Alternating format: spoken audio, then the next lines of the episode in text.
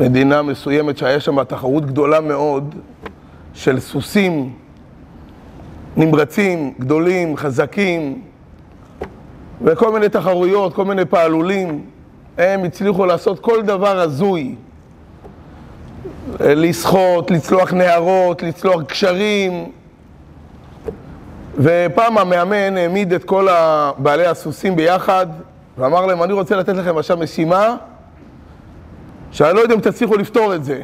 אני רוצה לראות, תעמדו כולם בשורה, צריכים להגיע ליעד לצד השני, אבל המנצח זה לא יהיה מי שיגיע ראשון, אלא מי שיגיע אחרון.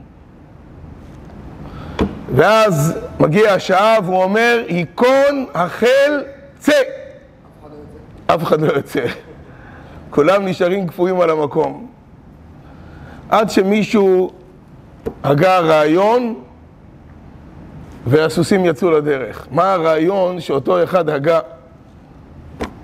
כדי שהם יצאו לדרך? אה? הרעיון היה שכל אחד יחליף עם הסוס של השני.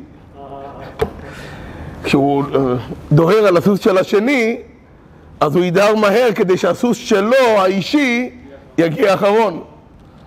וככה בסופו של דבר היה מנצח. אבל יש פה מסר מאוד גדול. שאלה.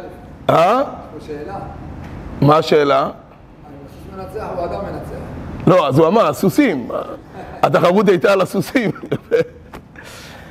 אבל הרעיון הוא פה מסר מאוד גדול. אם אתה רוצה לנצח, תן לסוס השני, תן לסוס של החבר שלך, תיתן לו, תוותר לו. אנחנו יודעים את זה בחיי קהילה.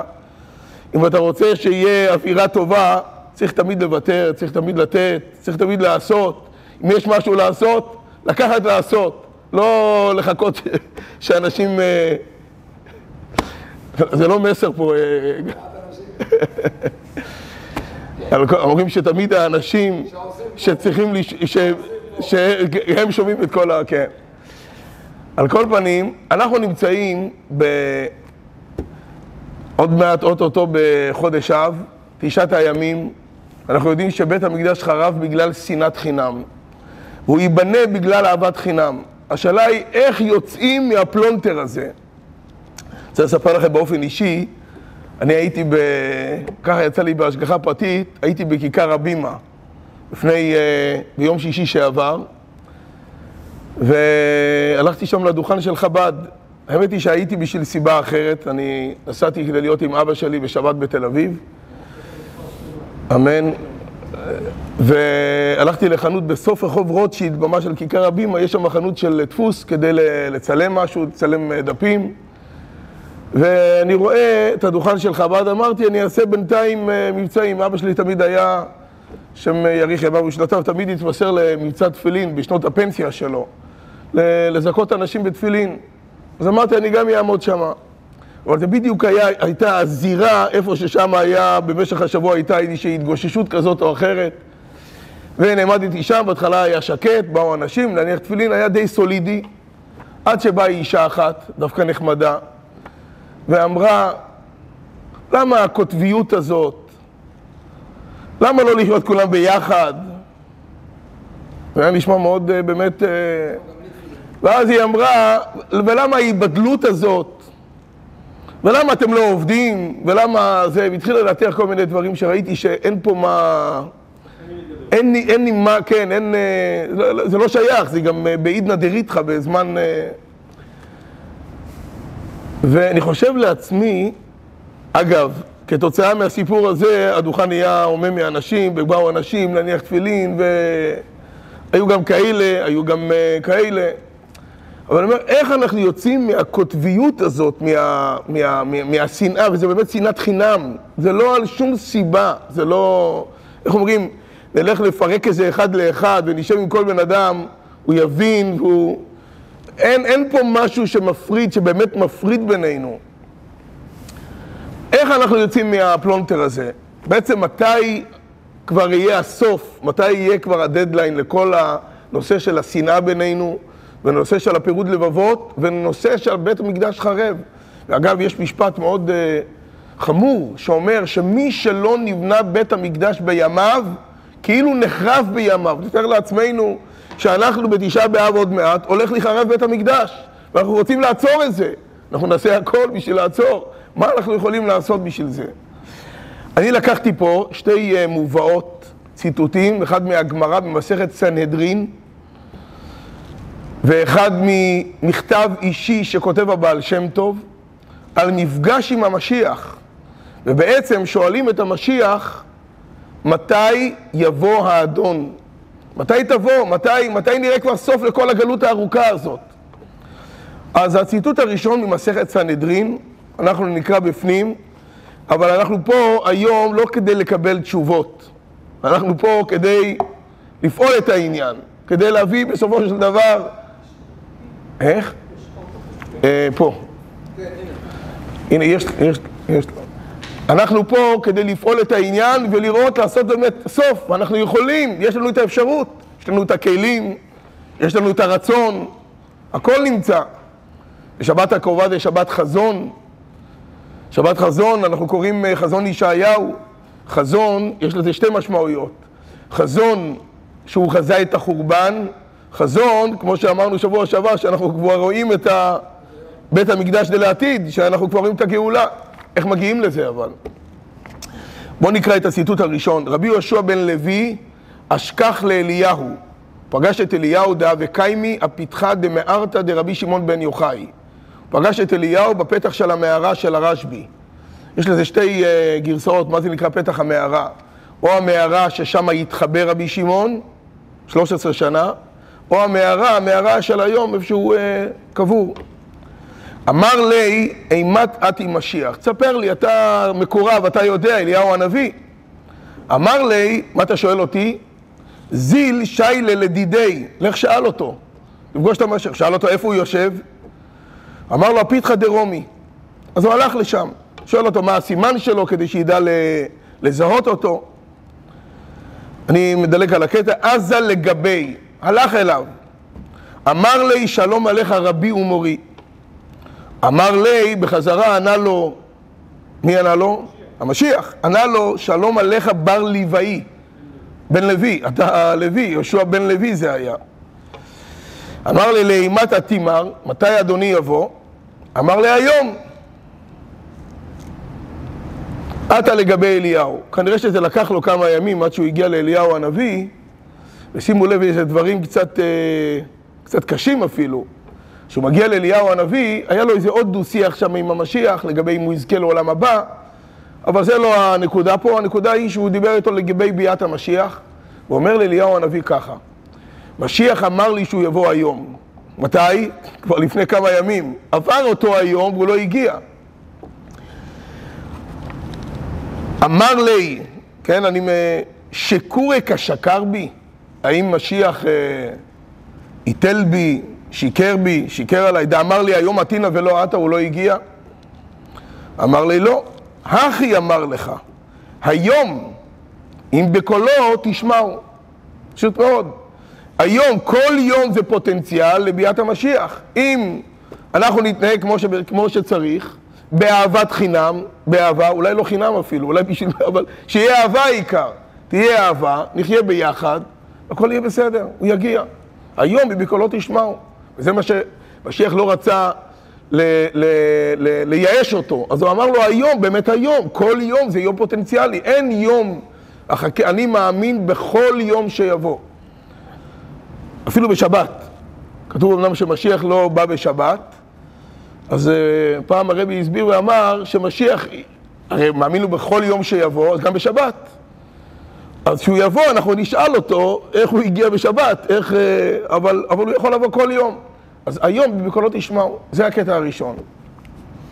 יש עוד קטע, שזה מספר הבעל שם טוב על המפגש שלו עם משיח, זה לא היה ברומי, אתם יודעים איפה זה היה? זה היה בשמיים. זה היה במקום מאוד אה, נעלה, מספר, איך אומרים, פותח את הסודות של ליבו, רבי ישראל הבעל שם טוב, שולח מכתב לגיסו, רבי גרשון מקיטוב, שהוא היה בדיוק בארץ ישראל, נפגש עם אור החיים הקדוש, והוא מספר לו על המפגש שלו עם המשיח. זה סיפור, זה אריכות גדולה במכתב, שהוא עונה לו שהוא עשה עליית הנשמה, והוא הגיע למעלה, והייתה שמחה מאוד גדולה. הוא עלה במדרגה אחרי מדרגה, עד שבסופו של דבר פגש את היכל המשיח. דפק וביקש לדבר עם, עם המשיח, ושאל אותו, מתי יבוא האדון? אז פה יש לכם את זה, אם אתם רוצים אחרי זה לקרוא את זה, אני פה למטה, ב... נקרא את הקטע התחתון למטה. ועליתי מדרגה אחר מדרגה, עד שנכנסתי להיכל משיח, ששם לומד משיח תורה עם כל התנאים והצדיקים, וגם עם שבעה רועים. כן, שבעה רועים, משה רבנו, אבל הכהן, אה? אברהם יצחק ויעקב, כן. שם ראיתי שמחה גדולה עד מאוד. ואיני יודע לשמחה זו מה הוא עשה. ושאלתי את פי משיח, לקטע האחרון, ושאלתי את פי משיח, אימת אתי מר? והשיב לי, בזאת תדע, בעת שיתפרסם לימודך ויתגלה בעולם ויפוצו מעיינותיך חוצה, מה שלימדתי אותך והשגת, ויוכלו גם המה לעשות ייחודים ועליות כמוך, ואז יכלו, זאת אומרת, ייגמרו כל הקליפות ויהיה עת רצון וישוע. אומר לו, המשיח אומר לבעל שם טוב, פשוט מאוד, אתה שואל מתי אני אבוא? מתי שהתורה שלך תופץ בעולם, הרעיונות שלך, של החסידות, שאתה מפיץ בעולם, על עבודת השם בשמחה, על אהבת ישראל, כן? שאנחנו כולנו בנים של הקדוש ברוך הוא. אחת מהאמרות החזקות של הבעל שם טוב, שהוא אומר שכל יהודי, הקדוש ברוך הוא אוהב אותו הרבה יותר מאשר אהבה של הורים זקנים לבן יחיד שנולד לעת זקנותם. הרבה יותר, אין לשער בכלל. כל יהודי, בלי שום הבדל. אז אומר לו המשיח, כשאתה תפרסם את, ה, את הרעיונות שלך, אתה תפיץ אותם, זה יגיע לכולם, אז יבוא המשיח. נשאלת השאלה, ריבונו של עולם, מה הבעל שם טוב שואל את המשיח, אימתי את תימר? הרי השאלה הזאת נשאלה, זה כבר מופיע במסכת סנהדרין, ומשיח אמר לו גם, היום, והוא הסביר לו, היום אם בקולות תשמעו. מה בא בעל שם טוב לשאול אותו שוב פעם, אימתי את תימר? ברור, היום בקולות ישמעו, כולם ישמעו, כולם יהיו זה, הכל יהיה בסדר. את השאלה הזאת שאל רבי יוסף יצחק, הרבי השישי לבית חב"ד, אדמו"ר הרייץ, שהוא חמו של הרבי שלנו, והסביר הסבר מתוק מאוד. הוא אמר פשוט, שתי השאלות של הבעל שם טוב ושל רבי יהושע בן לוי זה שתי שאלות שונות לגמרי. הוא שאל אותו, אם מתי את תימר, מתי אתה תבוא? זה שאל רבי יהושע בן לוי, מתי תגיע? אבל שם טוב לא שואל אותו שאלה פשוטה, מתי תגיע? השאלה שלו היא באה בעוד יותר. הוא אומר לו, הרי כבר קוים העניין של אם בקולו תשמעו. עם ישראל כבר מצפה למשיח. כל יהודי רוצה ומשתוקק לעשות את הרצון של הקדוש ברוך הוא. אלא מה? יש הלם והסתר. אבל הנשמה הפנימית, אני מסתכל על כל יהודי, אומר הבעל שם טוב, אני רואה שכל יהודי הוא זך וטהור. כל אחד, אין אף יהודי שהוא לא זך וטהור. ואני אומר לך שכבר התקיים מבקולו תשמעו. אז אם ככה, שואל אותו, אי מתי את תימר? למה אתה עדיין לא הגעת? אם כבר כל עם ישראל כבר רוצה שיבוא משיח, כי אני רואה אותם בפנימיות שלהם, אז איפה משיח? למה אתה עדיין לא הגעת? עונה לו המשיח, לכשיפוצו מעיינותיך החוצה. אומר לו, כשאתה תפיץ את המעיינות שלך, כשכולם יסתכלו על יהודים אחרים כמו שאתה מסתכל על יהודים אחרים, אז הוא באמת יגיע. זה כשיפוצו מעיינותיך החוצה.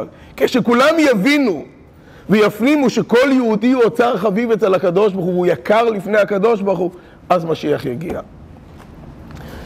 וזה אנחנו נמצאים פה בעבודה שלנו, בעבודה שלנו באמת, להפיץ אור, כדי לראות, להביא את המסר הזה שכל יהודי הוא זהב לפני הקדוש ברוך הוא.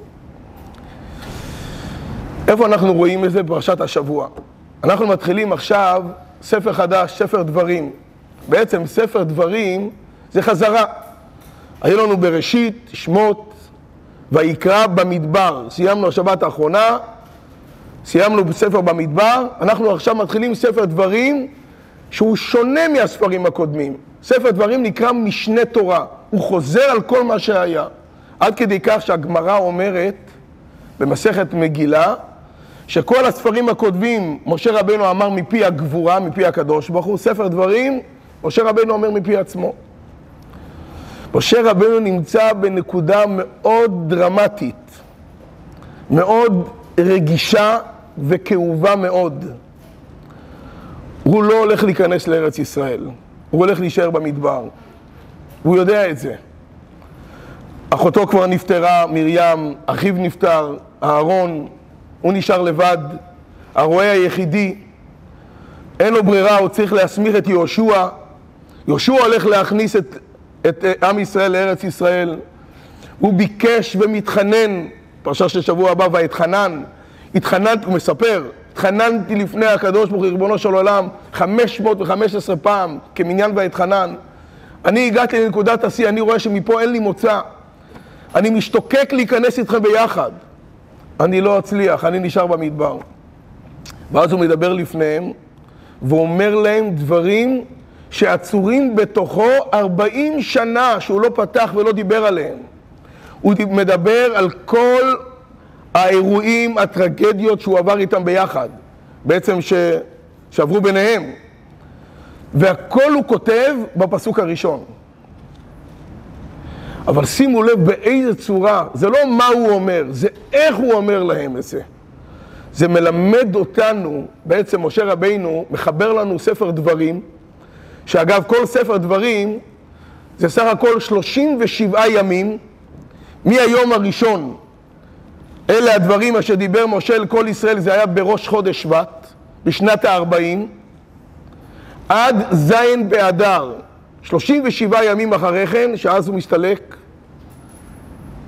וזאת הברכה שברך משה איש האלוקים לבני ישראל לפני, זה היה באותו היום, בז' באדר, וב-37 הימים האלה זה ספר דברים שלפנינו. אבל בפסוק הראשון, וזאת הצוואה שמשה רבינו גם משאיר לנו, על דרך של תוכחה. אני רוצה לקרוא את הפסוק הראשון, אנחנו נקרא את זה, ב...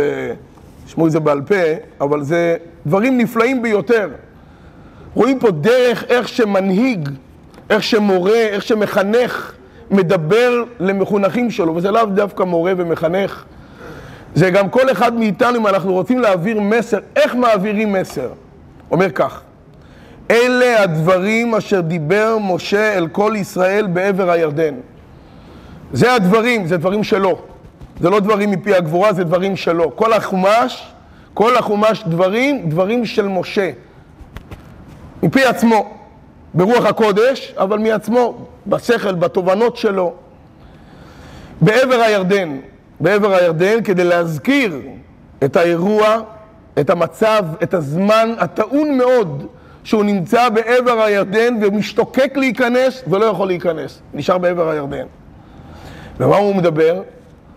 הפסוק אומר ככה, במדבר, בערבה, מול סוף, בין פרן ובין תופל, ולבן וחצרות ודי זהב. כאילו הפסוק מדבר על כל מיני מקומות שמשה רבינו בעצם מזכיר לעם ישראל, הוא מקפל בפסוק הזה 40 שנה על כל האירועים האלו, על כל פעמים מה שכתוב בחומש, מה שהיה בין משה לבין עם ישראל. אם זה במדבר, שהם אמרו מי ייתן מותנו במדבר, אין לנו מה לאכול. אחרי זה בערבה, מדבר בקודים, בערבה זה שחטאו עם בנות מואב, מול סוף, שאמרו מבלי אין קברים במצרים, לקחתנו למות במדבר, הם היו לפני ים סוף. כן, זה היה לפני ים סוף, אז הם גם אה, שוב פעם אה, התריסו נגד משה, בן פרן, זה הסיפור של המרגלים, זה במדבר פרן.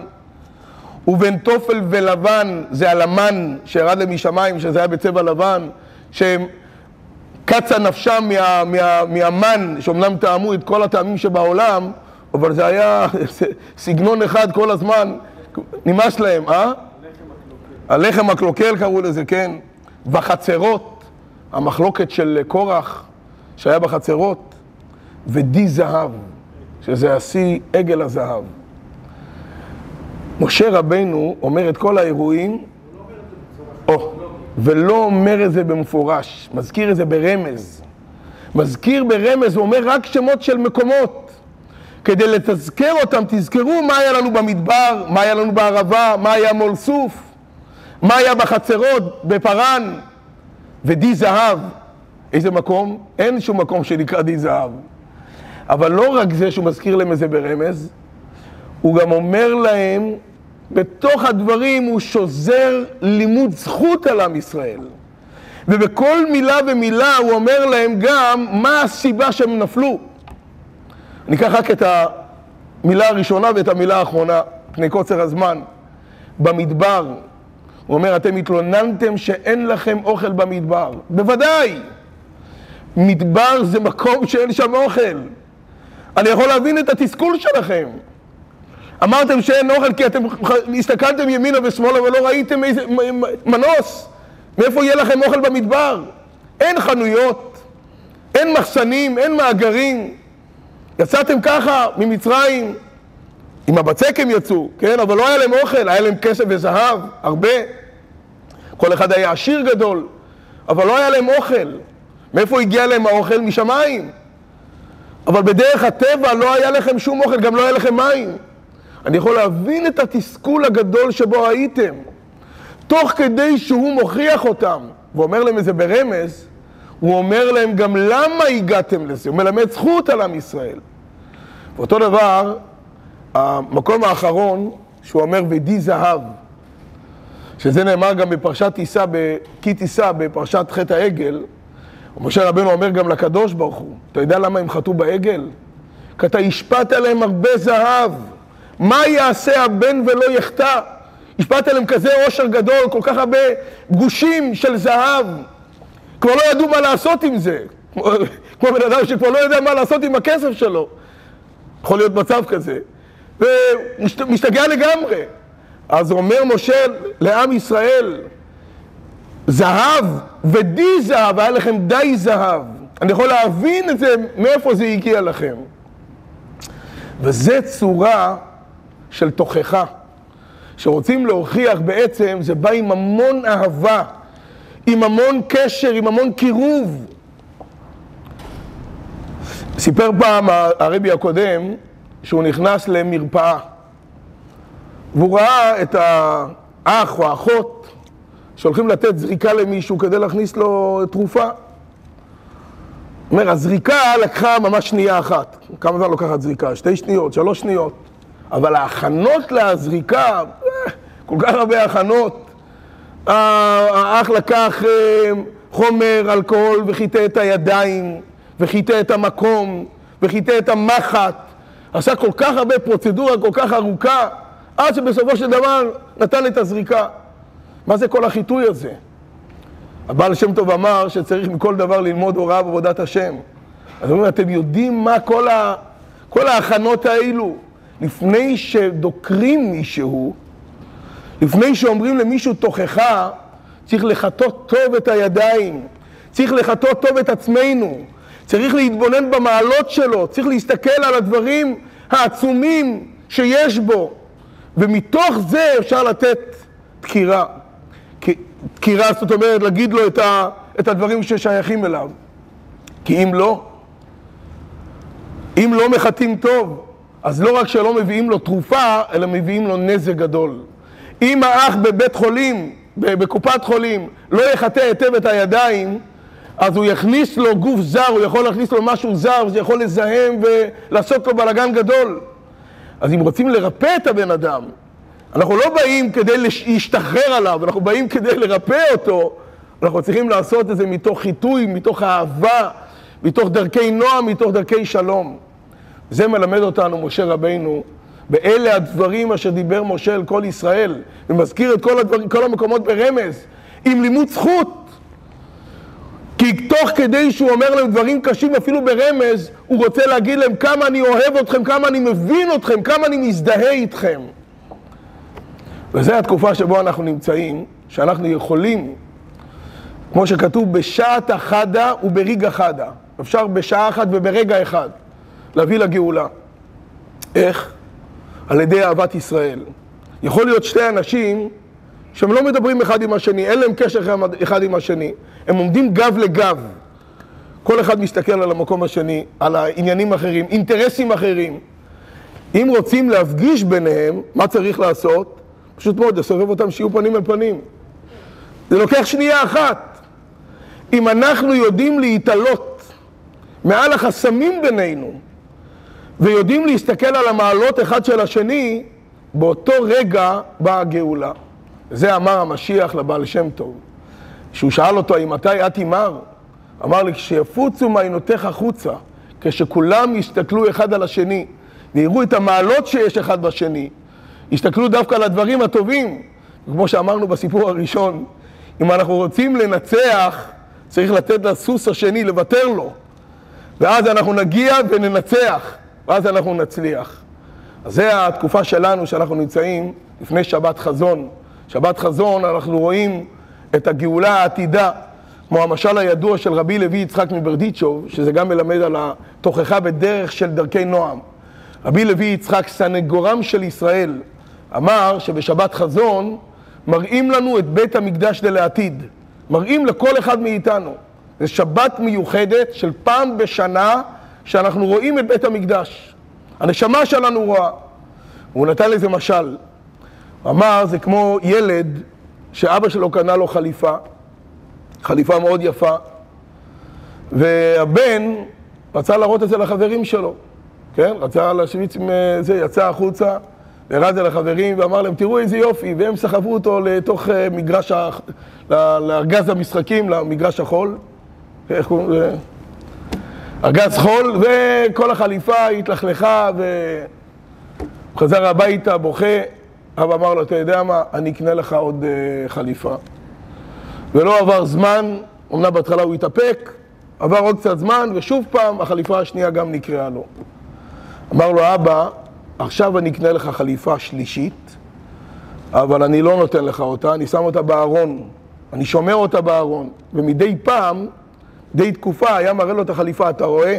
החליפה הזאת היא שלך, וזה מגיע לך.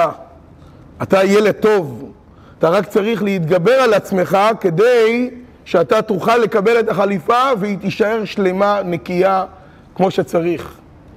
אז הוא מראה לו מדי פעם את החליפה שהיא שייכת לו, ואומר לו, זאת החליפה שלך. וזה בית המקדש השלישי. היה לנו בית מקדש ראשון, היה בית מקדש שני. בית מקדש שלישי כבר נמצא בנוי ומוכן. הקדוש ברוך הוא גם מראה לנו אותה מדי פעם בצורה של אהבה, בצורה של חיבה. השבת חזון אמנם נמצאת בתוך תשעת הימים, בתוך שלושת השבועות, תוך זמן של חורבן, של אבל, של הסתרה, העלם והסתר גדול, אבל זה זמן של חיבה גדולה, שהקדוש ברוך הוא אומר לנו, הנה, ברגע אחד אני מוריד לכם את בית המקדש, מביא לכם את משיח צדקנו, שנזכה לו תכף ומיד ממש, אמן ואמן.